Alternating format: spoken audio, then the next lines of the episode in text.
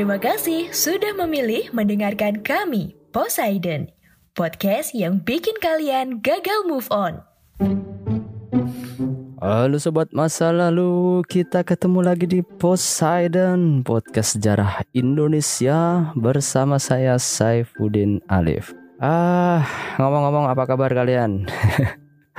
Gak bosan-bosan ya, saya menyemogakan semoga kita semua sehat dan lagi-lagi ini bukan basa-basi karena perang melawan Covid juga masih belum selesai. Gelombang ketiga dari Covid-19 masih mengintai yang semoga sih nggak sampai kejadian lah. Apalagi yang keempat, kelima, udah semoga nggak usah lah ya. Semoga kita nggak kayak beberapa negara Eropa hari ini yang catatan terakhir ada 4.200 kematian per hari di seluruh Eropa ya mereka lagi berjuang melawan gelombang kelima COVID-19. Kita doakan semoga saudara kita di Eropa segera bisa menyelesaikan virus ini dan semoga nggak menyebar ke daerah lain dan mereka juga udah menghadapi lima gelombang. Sementara kita di Indonesia officially baru dua. Cuman kalau faktanya sih ya nggak tahu juga. Oke, kita balik lagi ke podcast sejarah Indonesia yang kali ini saya mau bahas soal Aufklärung atau dalam istilah Inggrisnya adalah Enlightenment. Lah terus Aufklärung ini bahasa apaan? Aufklärung itu bahasa Jerman ya, yang artinya ya yaitu tadi Enlightenment atau pencerahan. Yang bisa dijelaskan bahwa ini adalah zaman di mana gerakan filosofis dan intelektual itu mendominasi Eropa Aufklärung ini terjadi kisaran abad 17 sampai 18 yang secara umum mencakup perkembangan gagasan-gagasan tentang kebahagiaan manusia. Pencarian ilmu pengetahuan berdasarkan akal dan bukti indrawi.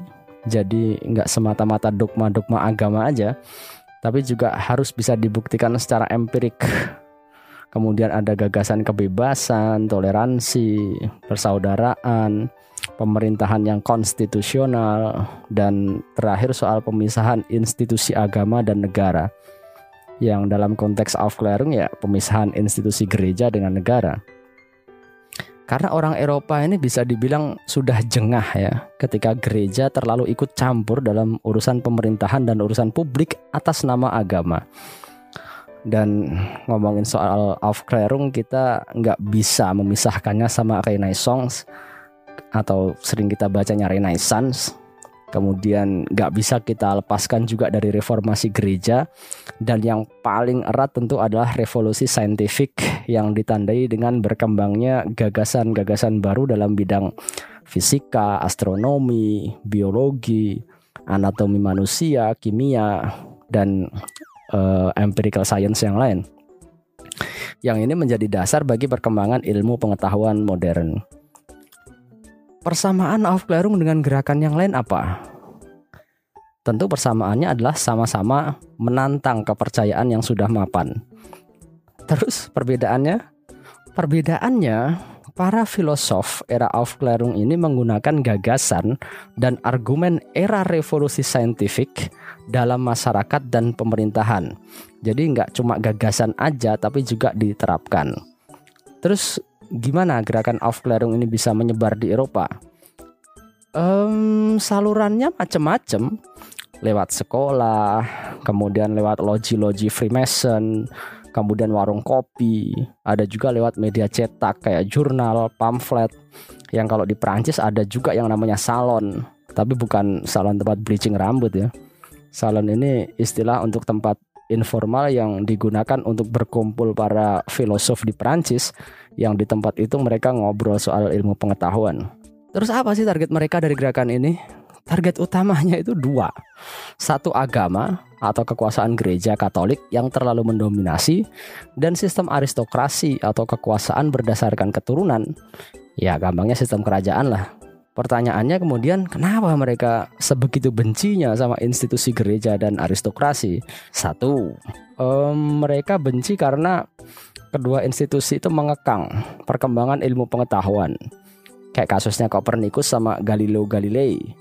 yang mengajukan gagasan heliosentris dan itu dianggap sesat oleh gereja yang meyakini bahwa Alkitab menyatakan konsep geosentris dan ya kita tahu sendiri nasib keduanya kayak gimana.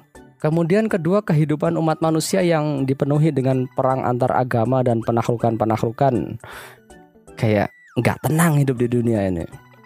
Kemudian ketiga Protestan dan Katolik gitu kan sudah setelah reformasi gereja ya jadi kelompok Protestan dan Katolik itu mencela satu sama lain sebagai pengikut setan dan orang-orang dapat dipenjara karena menghadiri gereja yang salah atau karena tidak menghadiri gereja apa pun.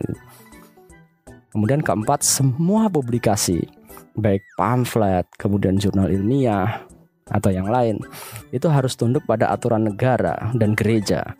Kalau nggak sesuai ya siap-siap aja disensor. Gak ada kebebasan akademik. Kelima, perbudakan dipraktikkan secara luas, terutama di perkebunan kolonial bagian barat, maksudnya kawasan Amerika, dan kekejamannya ini sering dipertahankan oleh tokoh-tokoh agama. Kemudian enam, kekuasaan absolut dari raja dengan dalih doktrin hak ilahi raja atau divine right of kings. Jadi ini kayak kekuasaan itu hanya milik Tuhan dan Tuhan menitipkannya kepada raja. Ya gitulah gampangnya ya. Dan raja-raja ini sering mengambil kutipan-kutipan kitab suci untuk melanggengkan kekuasaannya. Kayak revolusi itu dibenci Tuhan, raja adalah wakil Tuhan di bumi dan sebagainya dan sebagainya. Kemudian tujuh, gereja kekeh menyatakan bahwa mereka adalah satu-satunya sumber kebenaran dan bahwa semua yang hidup di luar ketentuan gereja adalah terkutuk. Padahal orang-orang Eropa sedang berubah, tetapi lembaga-lembaga resmi nggak mau mengikuti perubahan itu. 8. Kelas menengah ke atas yang kalau pakai istilahnya Marx itu kaum borjuis sangat sadar bahwa mereka itu membayar pajak cuma buat melayani lifestyle dari kaum bangsawan aja yang sangat mahal dan nggak ngefek apa-apa ke rakyat. Dan beberapa alasan lain yang nggak bisa saya sebutkan semuanya. Udah delapan udah cukup banyak lah ya. Kemudian kenapa sih Aufklärung ini penting jadi Aufklärung itu penting karena produk pemikiran era Aufklärung itu banyak banget mempengaruhi ide-ide dan konsep tentang negara modern Deklarasi kemerdekaan Amerika dan Konstitusi Amerika yang paling dekat dengan masa itu jelas dipengaruhi oleh produk pemikiran Aufklärung. Karena para founding fathers Amerika ini banyak belajar soal Aufklärung selama periode revolusi Amerika. Kemudian revolusi Perancis juga sama, banyak terpengaruh pemikiran era Aufklärung ini. Emang siapa aja sih tokoh-tokoh Aufklärung dan apa aja produk pemikirannya? Oke, Coba saya sebutin beberapa ya. Satu, ada John Locke dengan gagasan kontrak sosial dan hak alamiah atau social contract dan nature right yang intinya adalah manusia itu punya hak alamiah kayak kebebasan, kekayaan dan sebagainya dan sebagainya yang itu harus dilindungi oleh negara. Dan pengelolaan negara harus dengan persetujuan rakyat atau ada kontrak sosial dengan rakyat. Baru setelah deal, negara dikasih kekuasaan oleh rakyat untuk memelihara dan mensejahterakan rakyat yang kalau gagal halal untuk dijatuhkan pemerintahan itu. Kemudian dua ada Montesquieu dengan teori pembagian kekuasaan. Ya pasti kalian udah sering dengar lah kekuasaan negara nggak bisa diserahkan ke satu orang aja yang dalam konteks ini raja ya tapi harus dibagi jadi tiga yaitu eksekutif atau government, kemudian legislatif yang merumuskan undang-undang dan yudikatif yang bertanggung jawab dalam bidang peradilan. Kemudian ada Voltaire yang tentang toleransi antar umat beragama dan kebebasan berbicara. Kemudian ada Cesare Beccaria. Ini dalam bidang hukum soal hak narapidana. Jadi umum kan di abad pertengahan itu seorang narapidana disiksa dengan berbagai macam cara dan berbagai macam alat penyiksaan. Coba deh googling macam-macam alat penyiksaannya, ngeri liatnya. Nah ini yang ditentang oleh Beccaria. Dia harus difonis oleh pengadilan secara tepat dan cepat, bukan dengan penyiksaan-penyiksaan begitu. Kemudian lima ada Adam Smith tentang liberalisasi ekonomi dan beberapa tokoh yang lain kayak Descartes, kemudian ada Immanuel Kant, ada Abigail Adams yang memperjuangkan persamaan hak buat perempuan. Banyak lah. Jadi intinya Aufklärung ini adalah era di mana akal dan toleransi begitu diagung-agungkan.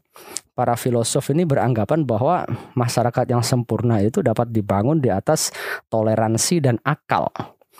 Dan ya, lagi-lagi kita harus bilang ini adalah gerakan emosional dalam rangka melawan gereja dan aristokrasi yang membelenggu kehidupan mereka yang kalau dilihat dari sudut pandang hari ini tentu ya udah nggak relevan lagi. Cuman untuk waktu itu dalam kondisi Eropa yang seperti yang sudah saya jelaskan tadi, gerakan Aufklärung ini memang dahsyat dan pengaruhnya luas. Saya nggak mau bilang bagus karena nggak semua efek dari gerakan ini bagus.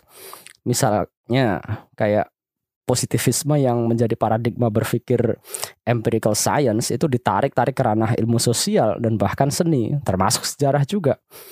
Kemudian norma agama dan susila itu banyak ditabrak atas dasar kebebasan berekspresi, membiarkan pemilik modal kaya dan rakyat tetap miskin atas nama pasar bebas. Banyaklah. Jadi ya bisa kita simpulkan ya bahwa Aufklärung ini adalah gerakan pemberontakan terhadap kekuasaan yang membelenggu kehidupan manusia yang mewakili zamannya. Setiap gerakan ada zamannya dan setiap zaman ada gerakannya. Oke. Gitu aja, sampai jumpa di podcast sejarah yang lain. Saya Saifuddin Alif undur diri. Jangan lupa tetap jaga kesehatan dan sampai jumpa. Terima kasih.